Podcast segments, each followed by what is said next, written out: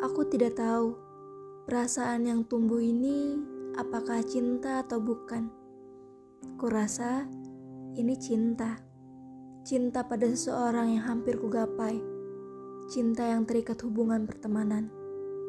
Melihatmu bersender di bahuku, jadi bagian dari ceritamu, dan jadi bagian dari orang yang kamu jumpai di dunia ini adalah hal yang paling menakjubkan di dalam hidupku.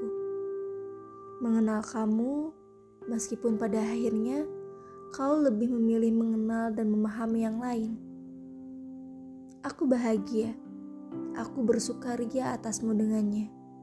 Tapi, bolehkah? Bolehkah aku meminta agar tak perlu menjadi lebih dekat? Bisakah untuk tidak mengungkit tentang kita yang dulu?